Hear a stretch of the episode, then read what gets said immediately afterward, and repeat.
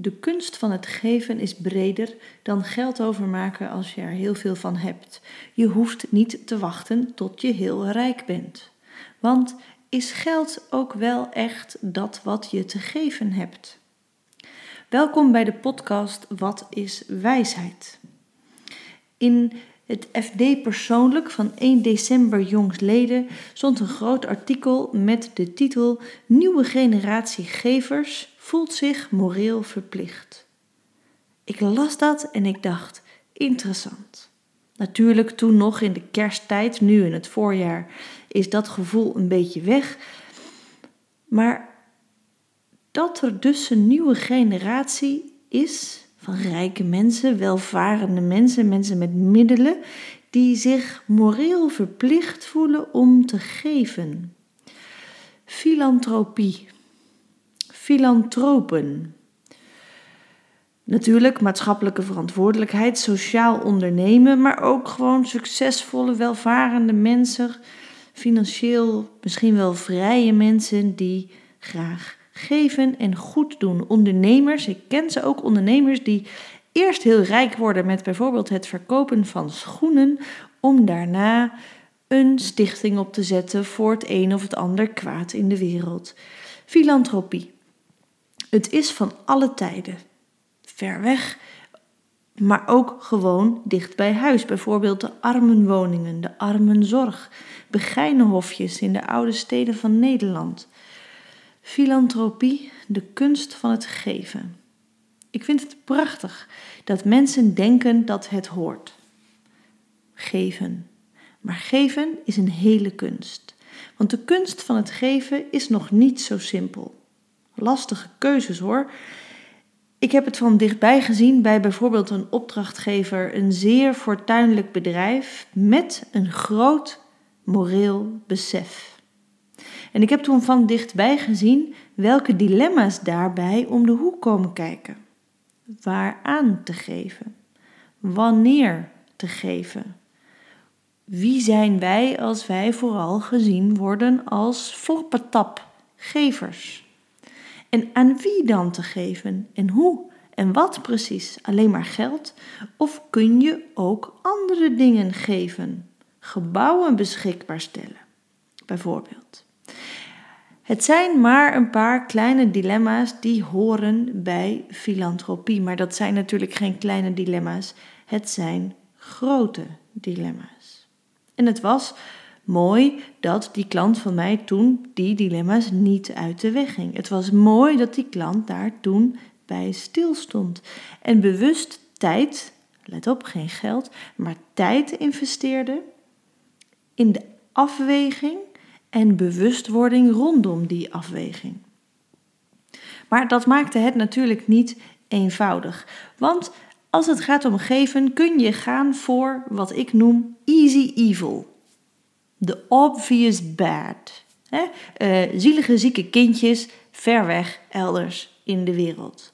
Of hongerige aapjes in de jungle aan de andere kant van de aardbol. Obvious bad. Easy evil. En soms word ik daar een beetje boos van. Want dan gaan we goed doen om ons niet te branden aan dit of dat, onze vingers niet te branden aan het een of het ander. En dan gaan we het overduidelijk goed doen. En wat we doen mag ook best gezien worden. Hè? Dat moet dan ook onomstotelijk goed zijn. En dat snap ik ook best, dat je dat wil laten zien als je dat doet. Ehm, maar dan geven we dus vooral aan easy evils, obvious bads. Bijvoorbeeld, dan stel ik me dan zo voor een benefietavond ehm, voor een duidelijk probleem ver weg, elders in de wereld. Bijvoorbeeld een uh, school in Vietnam voor napalmkinderen.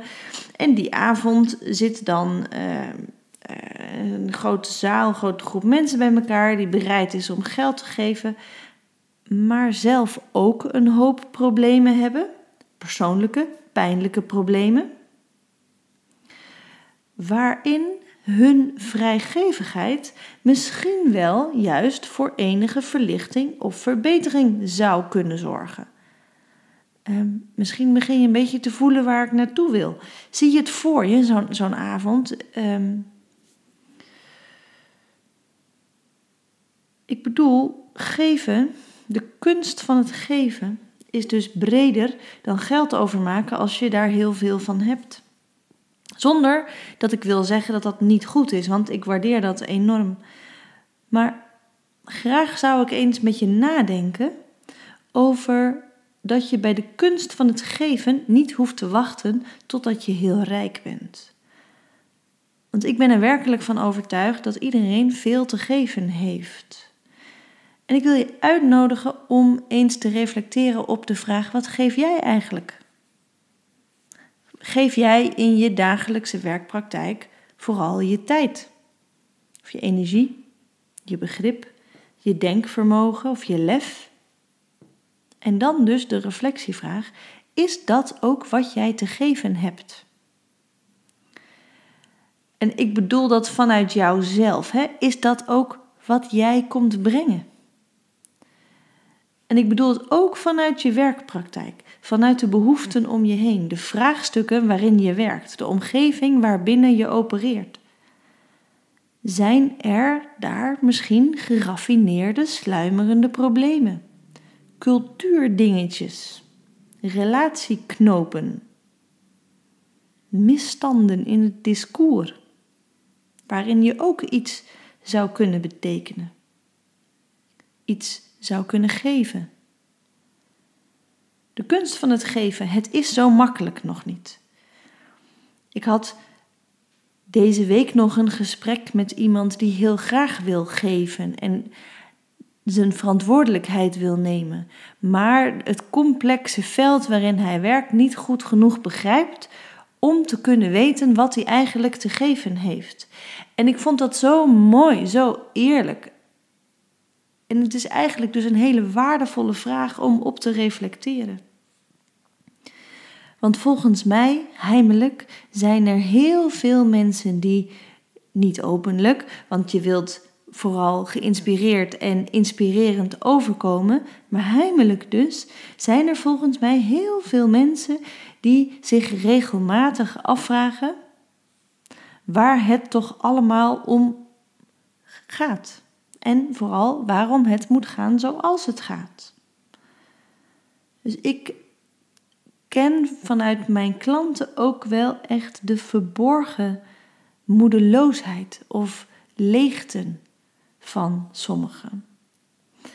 En als je dat negeert, dat sluimerende gevoel, waar je ook best overheen kunt stappen, en als je dat doet, dan slaat dat over op andere domeinen van je leven dan alleen het werk. En het heeft ook zijn weerslag op je relaties. Dus de kunst van het geven gaat ook over zorgvuldigheid. Goed kijken, Past het? Mijn gift, mijn inbreng, is dat op maat? En het gaat ook om rechtvaardigheid. Klopt het dat ik dit geef? En niet dat. Past dat? Food for thought. Want het pijnlijkste is toch als je straks aan het einde van je carrière niet echt tegen jezelf zou kunnen zeggen: dat het allemaal vreselijk de moeite waard was. En je kent misschien je formele antwoorden op die vraag. Wat je gewoonlijk daarover zegt tegen jezelf of anderen. Maar het pijnlijkste zou zijn als je straks aan het einde van je carrière niet zelf, ten diepste, tevreden kunt terugkijken op de keuzes die je maakte en dat je zou moeten constateren dat het vooral een gokje is geweest, die misschien toevallig meestal wel goed afliep. Dat zou pijnlijk zijn. En ik denk een remedie daartegen is eens de tijd te nemen om daarover na te denken. Is het het waard, alles wat jij geeft? Is er misschien iets heel anders dat je zou kunnen geven? Of geef je misschien te veel? Kijk, vrijgevigheid is een kunst. En als je wilt, dan kunnen we daar samen eens over nadenken. Want dat is dan weer een vorm van geven die mij goed past. Om een uurtje te bellen. Niet voor een vergoeding, maar omdat verdieping en inzicht is wat ik kom brengen, wat ik te geven heb. Dus als je het interessant vindt om samen daar eens over na te denken, over wat jij te geven hebt, dan nodig ik je graag uit en met plezier uit voor een broodnodig reflectiegesprek. Zo noem ik dat tenminste. En als je daarvoor in aanmerking wilt komen, stuur me dan een mail op minke.tromp apenstaartje BVTF van Bureau voor Toegepaste Filosofie bvtf.nl. En verder, als je het een leuk verhaal vond, een interessante kwestie vond, dan vind ik het leuk als je je eh, mail gebruikt om in social media iets leuks te zeggen over deze podcast. Bijvoorbeeld door hem te liken op LinkedIn. Of als je de podcast Wat is wijsheid doorstuurt. En ik vind het ook leuk als je de volgende keer weer luistert. Dankjewel en graag tot dan. Dag.